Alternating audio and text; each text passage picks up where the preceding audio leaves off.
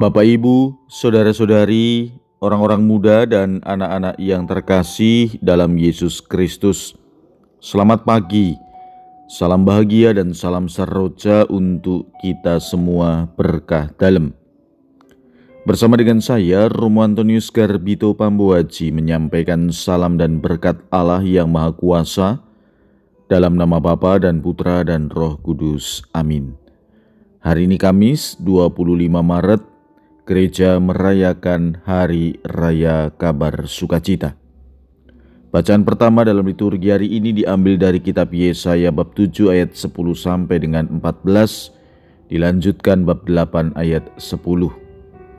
Bacaan kedua diambil dari surat kepada orang Ibrani bab 10 ayat 4 sampai dengan 10.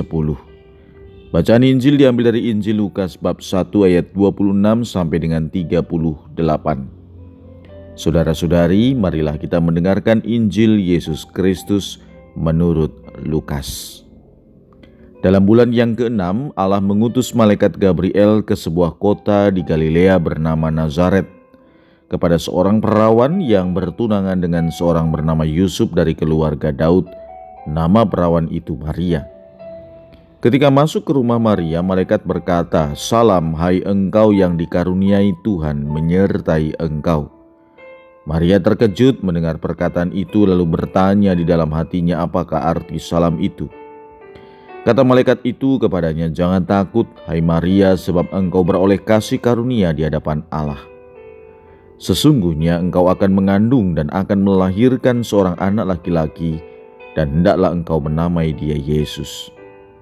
Ia akan menjadi besar dan akan disebut Anak Allah yang Maha Tinggi, dan Tuhan Allah akan mengaruniakan kepadanya tahta Daud bapa leluhurnya.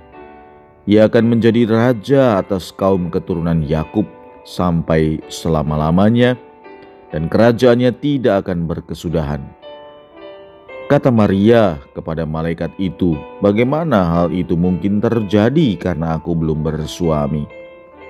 Jawab malaikat itu kepadanya, "Roh Kudus akan turun atasmu, dan kuasa Allah yang Maha Tinggi akan menaungi engkau.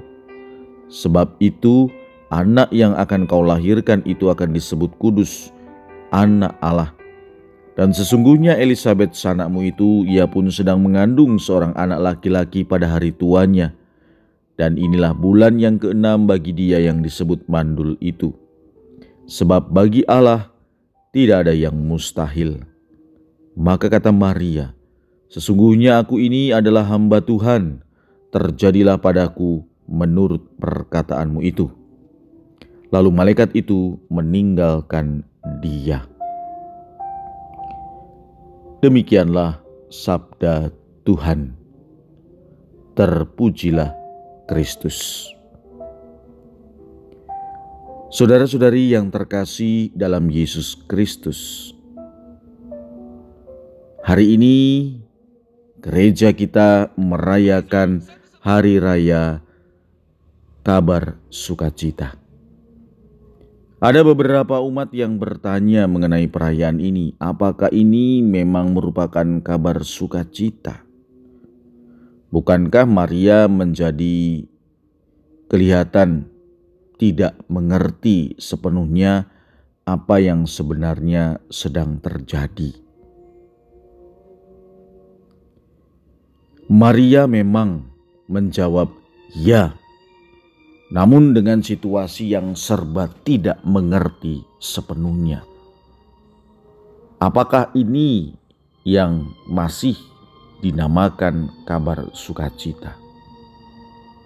Apalagi perayaan ini berada di masa prapaskah. Bagaimana kita merenungkannya? Saudara-saudari, perayaan ini memang merupakan perayaan panggilan Bunda Maria Injil berbicara tentang Maria yang dikunjungi oleh seorang malaikat dan memberikan kabar yang bagi kita secara manusiawi mengejutkan. Sebelum mendengar kabar itu sendiri, Maria sudah mulai terkejut ketika malaikat menjumpai Maria dan memberi salam. Terkejutnya memang tidak sampai pada kondisi pingsan atau berlari ketakutan Namun ia terkejut dan kemudian bertanya dalam hati, apa arti salam itu? Tetapi ternyata Maria sebenarnya takut karena kemudian malaikat mengatakan kepada Maria, "Jangan takut." Mungkin kita sedikit berimajinasi atau merekonstruksi kira-kira yang terjadi pada waktu itu seperti apa. Seperti apa pun bayangan atau imajinasi kita yang jelas diceritakan oleh penginjil Lukas, malaikat mendatangi Maria dan memberitakan kabar bahwa ia akan mengandung seorang anak laki-laki. Fokus penginjil bukan pada perkara historis, namun hendak menunjukkan kepada kita bahwa di dalam perkabaran itu peran Allah ada. Allah yang mempunyai inisiatif dan Allah yang akan mendampingi Maria sampai pada kesudahannya. Allah yang menjadi jaminan atas kabar yang membuat Maria terkejut. Lalu pertanyaannya bagaimana kabar yang mengejutkan itu oleh gereja dirayakan sebagai kabar sukacita? Tentu saja kita akan mengatakan karena yang dikandung oleh Maria adalah Mesias, Yesus Kristus. Jika kita atau Anda dalam posisi Maria, sukacita seperti apa yang waktu itu terjadi? Bukankah kita juga akan bertanya apa yang terjadi? Mungkin juga kita akan menolaknya. Itulah saudara-saudari yang menjadi keyakinan kita sebagai gereja. Maria bisa saja menolaknya dan tidak mau menerima kabar itu. Namun yang mengharukan adalah Maria menerima dengan sepenuh hati apa yang ia sendiri sebenarnya tidak mengerti. Yang dimengerti Maria adalah ia hamba Tuhan yang siap menerima apa yang dikehendaki Tuhan dalam hidupnya. Ia tidak mengerti apa maksud kabar itu. Yang ia mengerti adalah mengimani dan mengamini rencana dan kehendak yang ilahi. Itulah kabar sukacitanya bahwa Maria menerima, mengimani, dan mengamini rencana dan kehendak Tuhan. Pusat dari kabar sukacita ini adalah Yesus sendiri oleh karena itu, isi kabarnya adalah Yesus Kristus. Kabar malaikat pada Maria diimani menjadi kabar sukacita. Sukacita karena Allah senantiasa mendampingi hidup manusia dan menawarkan keselamatan dalam nama Yesus. Saudara-saudari, Sikap Maria menerima kabar itu menjadi sikap konkret bagaimana sukacita menjadi sikap seorang beriman Kristiani. Dalam situasi dan kondisi apa pun diri kita, sukacita dalam Tuhan menjadi sumber harapan bagi hidup kita yang akan datang. Sukacita itu tidak jauh dari diri kita Sukacita itu menjadi penuh karena dalam nama Yesus kita menerima rencana dan kehendak Tuhan dalam hidup kita.